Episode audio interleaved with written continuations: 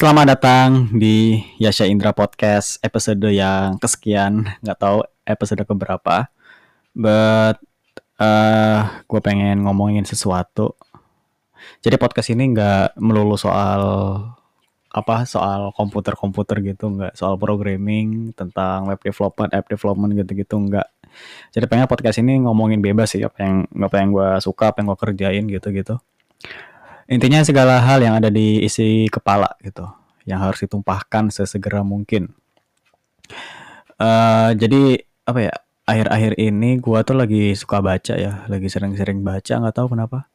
Kayak tiba-tiba suka baca apa pun sih nggak nggak mungkin mungkin lo ngelihat kayak di Instagram kayak di Twitter sering ngomongin buku.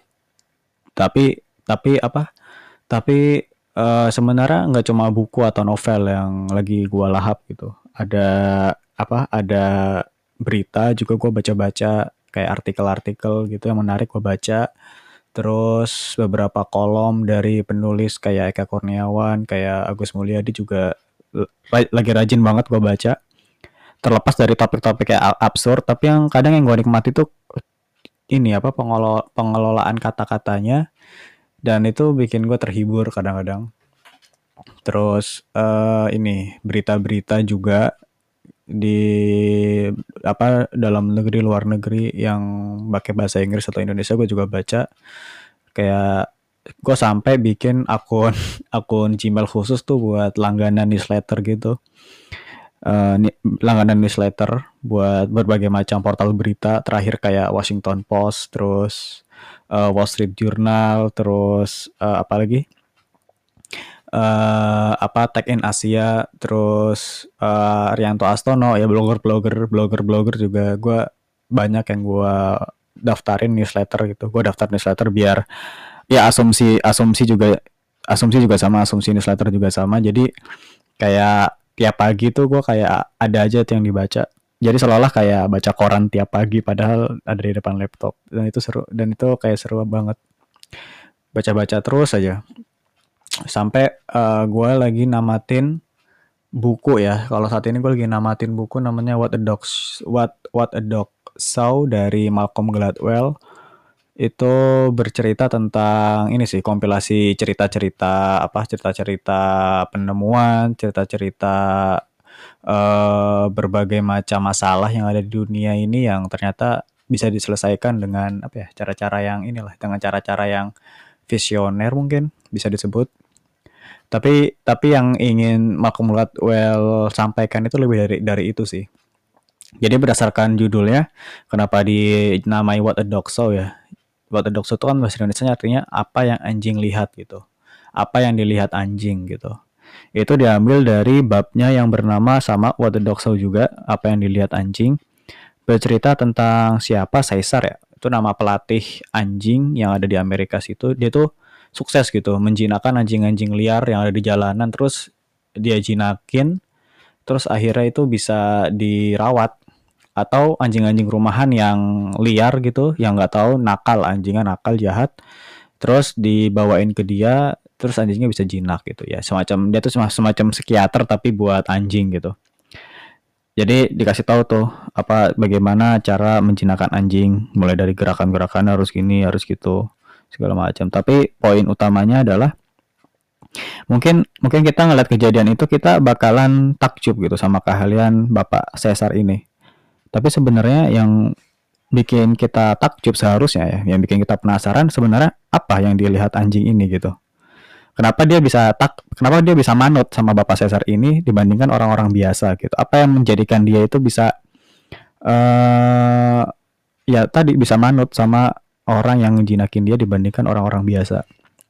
Nah itu itu apa ya perspektif kayak gitu ya? Apa namanya sudut pandang kayak gitu tuh kayak dibawa ke berbagai macam cerita. Kayak cerita tentang siapa itu namanya gue lupa.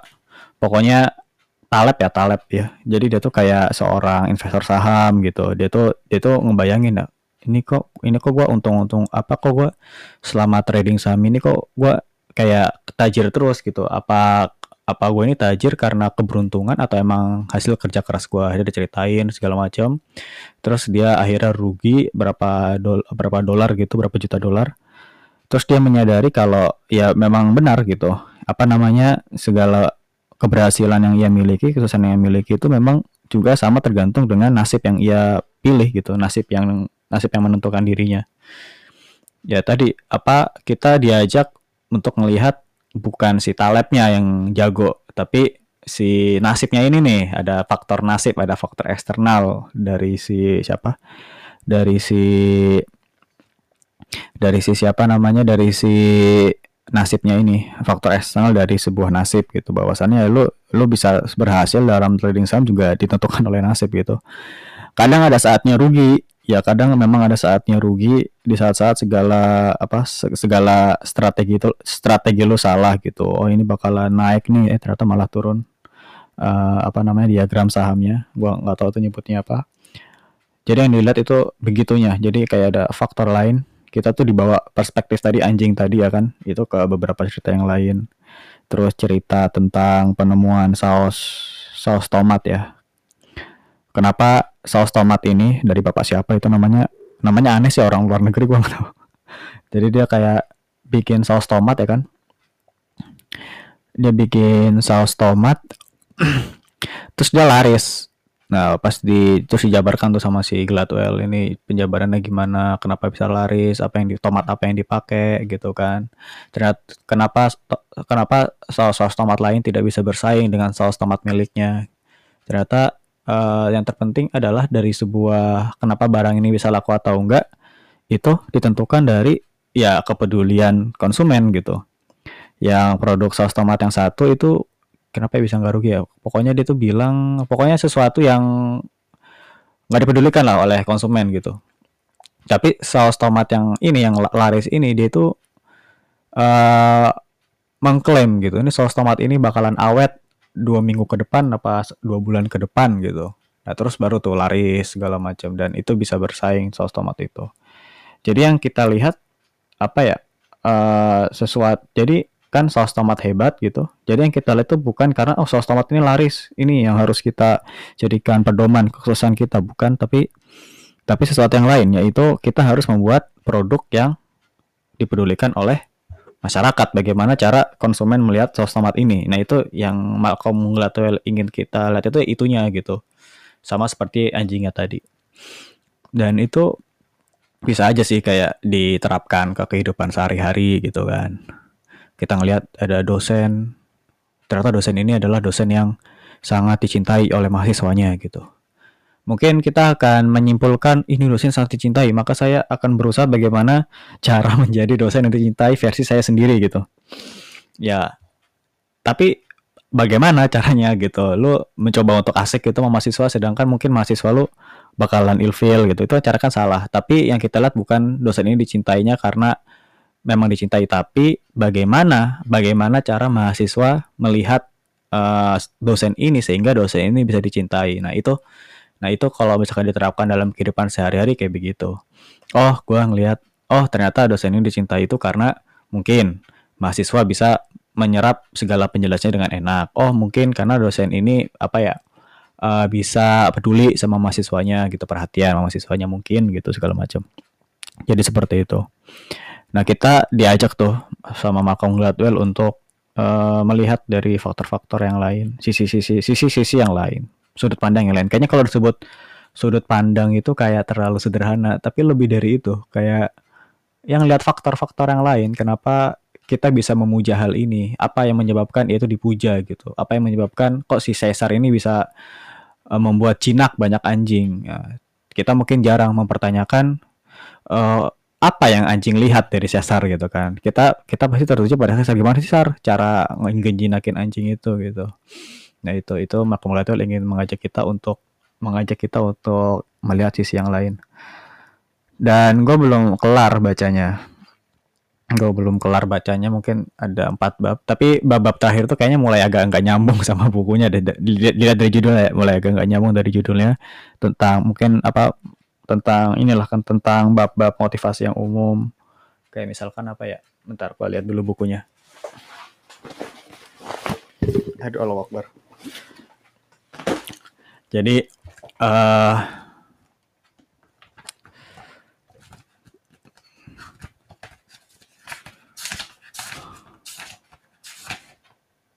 oh ya apa?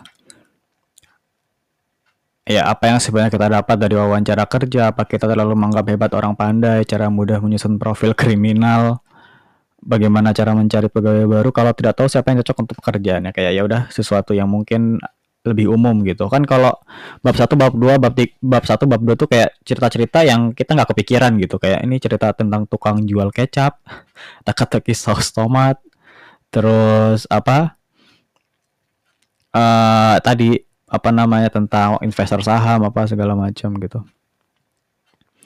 Jadi apa ya jadi sesuatu yang sesuatu yang mungkin cerita-ceritanya nggak pernah kita dengar gitu tentang penemuan-penemuan seperti ini. Mungkin kita paling sering dengar apa penemuan lampu pijar gitu, penemuan pesawat terbang. Tapi ini kayak penemuan-penemuan yang sederhana tapi kayak oh ternyata apa back, background background cerita dari semua itu tuh bagus untuk diulik gitu. Ini Malcolm Gladwell, What the Dog Saw. Gue ingat banget ini buku gua ambil eh gue pinjam.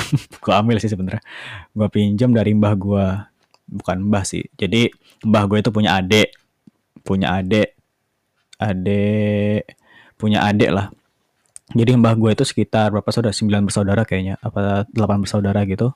Nah terus adik uh, saudara adiknya yang ketiga dari terakhir. Saudara apa adiknya yang ketiga dari terakhir berarti anak yang kelima gitu apa yang ke enam itu dia punya banyak banget buku kan di lemari gitu. Dia juga pernah nerbitin buku. Nah itu ini gue pinjem namanya What the Dog Saw Mal Malcolm Gladwell. Gue waktu itu belum kenal ya sama Malcolm Gladwell sama sekali. Gue cuma baca ini buku apaan ya? Gue lihat tagline-nya dan petualangan-petualangan lainnya gitu. Gue lihat sinopsisnya ternyata lumayan. Kayaknya bisa nih gue gue baca bagus gitu dan dan beberapa apa ya dan beberapa dan beberapa uh, bulan kemudian oh ternyata rame juga ya Malcolm Gladwell ya gitu. Ya udah akhirnya gue gua akhirnya gue gue baca gue baca waktu itu waktu SMK nggak begitu buset ini berat banget bacaannya. Tapi sekarang baca udah lumayan enteng sih nggak tahu kenapa. Mungkin mungkin udah udah kebiasaan baca lagi jadi itu the Dog Saw. Mungkin buku berikutnya yang bakal gue baca apa ya novel kali. Novelnya Haruki Murakami mungkin. Mungkin bukunya Haruki Murakami terus sama Stephen King lagi mungkin. Gitu. Pokoknya gue lagi pokoknya gue sekarang lagi lagi kerajinan baca lah. Oh ya buat buku Madilog itu. Buku Madilog yang gue gue baca nggak sampai kelar sih. Soalnya uh, bah tata dan bahasanya itu kuno banget. Gue gua nggak paham asli. Maksudnya nggak paham maksudnya banyak yang lus gitu. Banyak yang lus in bukan lus in translation sih karena kan bahasa Indonesia gitu. Lus in apa ya? Lus in ya pokoknya lus in understanding mungkin nggak tahu. Lus in comprehension mungkin gua nggak tahu. Intinya itu buku berat banget lah.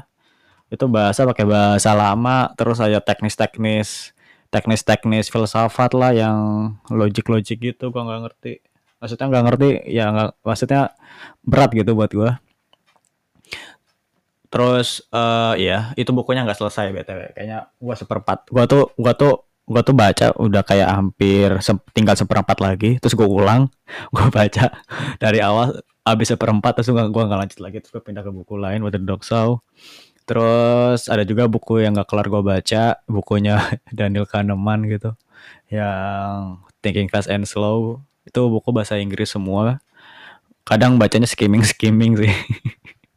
Kadang bacanya skimming skimming. Terus ada cuma ada beberapa poin yang gue pahami juga. Karena pakai bahasa Inggris. Sebenarnya kalau niat banget ya gue baca tuh harus didampingi sama kamus Oxford. Ya ini kamus Oxford gue dapet dari pondok sih. Ini ini kamus Oxford dulu tuh di kamar pondok gue ya. Itu tuh kayak nggak berharga banget maksudnya kayak bergeletakan gitu. Ada yang ada yang bagus banget gitu nggak pernah disentuh. Tapi gue ini dapat sih.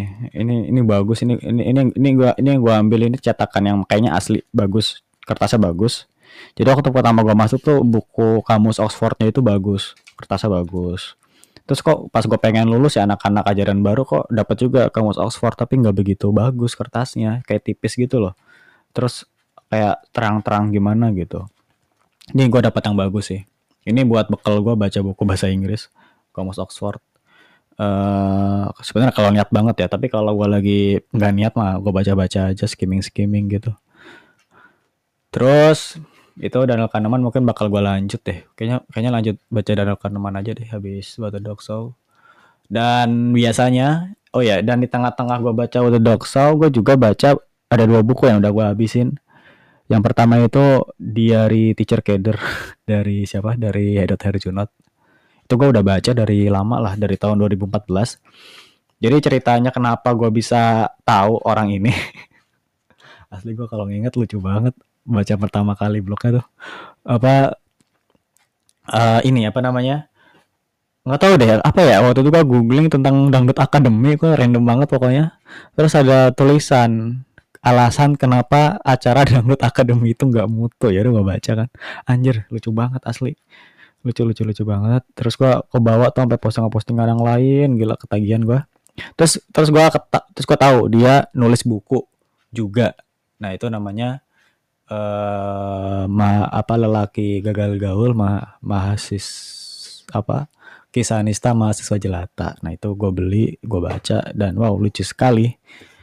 Um, lucunya lebih mungkin kalau di kalau mungkin dibandingkan dari Dika ya.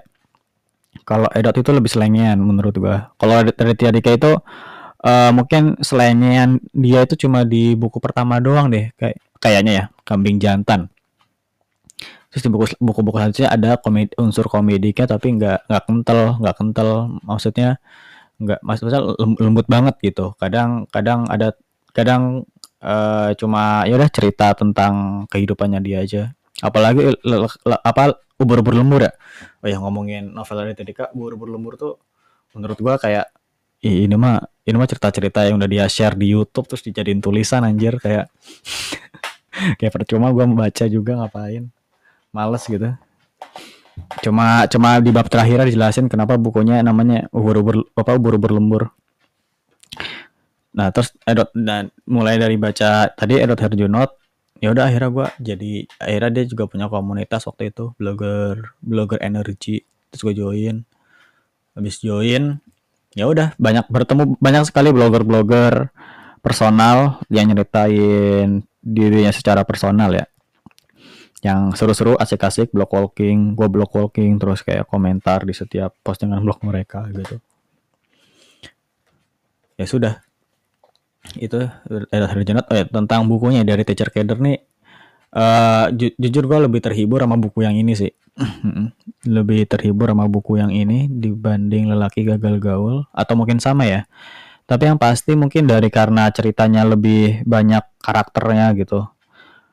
Kalau di ma, di apa di mana? Kalau di laki gagal gaul itu kan dia kan nyeritain lika-likunya sebagai mahasiswa ini. Mungkin ceritanya agak apa ya ceritanya agak mulai agak pasaran pada saat itu kan. Soalnya Ali Susanto juga bikin buku script sheet tentang anak-anak mahasiswa juga gitu. Terus saya bikin tadi mahasiswa mahasiswa apa mahasiswa lelaki gagal gaul. Nah di buku ini dari Teacher Keder nih menjelaskan tentang tentang ya lika-liku Edward Hadijinot setelah dia mengajar sekolah-sekolah SD gitu, mulai dari yang pelosok sampai yang elit. Dan itu banyak sekali kendala-kendala yang menerjang dan ia sampaikan dengan cara yang lucu sekali, jenaka. Dan kebiasaan dia itu ketika nulis ini apa namanya? suka mendramatisir hal-hal yang sederhana gitu gua aduh lo lucu banget kali bayangin jadi kayak mendramatisir hal-hal yang sederhana gitu terus apa meng, mende mende apresiasikan dirinya gitu. Itu lucu sih. Itu jok-jok yang gak bakal mati sih kayaknya. Men, mende apresiasikan dirinya mendram, mendramatisir kejadian-kejadian sederhana dan melebih-lebihkan menghiperbolakan sebuah kejadian gitu. Itu ciri-ciri joknya Edot sih. Dan itu kocak. Dan diterbitkan oleh Mojok buku Mojok gitu dan yang mana buku-bukunya juga gue penasaran pengen ngulik sih. Itu keren buku-bukunya. Dan ada yang pengen difilmin yang 24 jam bersama Gaspar itu itu bagus. Nggak tahu gue belum baca udah bilang bagus aja. Itu. Sebenarnya kalau ngomongin buku komedi juga dulu Alexander Tian si itu si Chinese apa si Chinese penggila zodiak itu di Twitter. Dia pernah sempat nulis buku komedi loh tapi kenapa nggak dilanjutin? Gue bingung. Uh, padahal keren. Padahal keren kalau misalkan dilanjutin buku-buku komedi darinya. Gue bakal nungguin banget sih. Terus gue baca juga Eka Kurniawan yang sumur judulnya. Itu itu bagus bagus banget. Gila. Gua kira ya gua kira tuh cinta tak ada mati itu udah bikin gua kayak bergidik gitu. Maksudnya bikin gua anjir kok bisa gitu ya endingnya ya. Tapi tapi tetap sih rata-rata cerita kisah cerita apa Eka Kurniawan itu ya itu itu apa ya itu aja gitu kayak penolakan atas kehilangan ya kan. Kalau di Cinta Tak Ada Mati kan kita diceritain si cowoknya ini kan ketika si tahu ceweknya mati itu kan dia berdoa terus minta si ceweknya ini si melati kalau nggak salah apa Maharani gitu biar itu datang kamarnya nggak apa-apa deh bentukannya kayak hantu yang penting gue bisa ketemu sama dia. Terus dia cari terus di endingnya jadi ya endingnya bikin gue terpa, terperangah. Dan dia dan dia itu pen, apa penolakan atas kehilangan. Terus di novel O juga di adalah kan O, O itu kan tebel banget ya bukunya. Dan itu ada beberapa side plot. Termasuk side plot yang gue tahu itu yang apa yang gue ingat itu uh, tentang ini. Jadi cerita cowoknya itu cowoknya itu ya apa religius lah. Cowok itu religius terus ceweknya itu kalau tiap malam tuh suka dengerin dia ngaji terus dia, terus dia suka. Terus terus entah suatu kejadian apa gitu ceweknya tuh kabur dari rumah terus dia hilang ber, berhari-hari berbulan-bulan terus dia jadi orang gila gitu. Jadi orang gila itu terdampar di musolanya cowok itu gitu. Yang mana cowok itu sebenarnya dia tuh buta gitu. Dia terdampar di musola itu tapi si cowok yang buta ini kenal sama si cewek ini gitu. Dan dia masuk dan dia uh, mempersilahkan dan dia yakin kalau cewek ini adalah cewek yang suka sama dia ketika dulu apa namanya dengar bacaannya gitu. Tentu tentu pada saat itu tentu pada saat itu apa namanya tentu pada saat tentu pada saat tentu pada saat itu ya si siapa namanya si si ceweknya pernah lah berkomunikasi gitu kan. Jadi dia ingat suara-suaranya. Nah pas pas ceweknya gila gitu pas ceweknya gila terus datang ke musolanya si cowoknya ini si cowoknya itu kenal padahal dia buta gitu. Ceweknya gila gitu terus misalkan masuk terus kan pikiran kita kan kok bisa? gitu. Apa yang apa yang mengikat berat apa ikatan apa emo ikatan emosional macam apa yang bisa memperkenalkan si cowoknya ini ke ceweknya? Padahal cowoknya buta ceweknya gila gitu. Gitu kan. Ya itulah uh, apa ya sebuah kisah-kisah Eka Kurniawan yang berhadapan dengan penolakan atas kehilangan. Itu aja disumberin di cerpen cerpen ya ini bukan novel. Jadi bukunya itu kecil banget. Kecil terus itu pun cuma beberapa halaman terus itu di tulisannya pun itu jarak jarak apa jarak antar barisnya itu juga tinggi tinggi tinggi tinggi apa jauh jauh gitu. Jadi sebenarnya pendek banget sih ceritanya tapi kayak dibukuin. Nah itu itu juga sama menceritakan tentang penolakan penolakan apa penolakan atas kehilangan dah gitu-gitu aja ceritanya tapi tapi tetap seru sih. Dan di akhir gue bertanya-tanya ini gimana nasib si Siti? Apakah dia ikut si uh, apakah dia ikut toyib ke kota atau dia tetap ada di dalam desa itu mengingatkan suaminya mati gitu masuk ke dalam sumur. Itu aja. Itu itu buku gua itu dua buku gua selesaiin gak sampai seminggu sih. Terus terus ya udah gua sambil sambil namatin What the Dog Saw. Itu buku gua bawa gua bawa bawa ke mana-mana kan nganterin nganterin bokap gua berobat. Terus kalau pengen ngajar juga gua bawa sebelum ngajar gue baca dulu nggak tahu.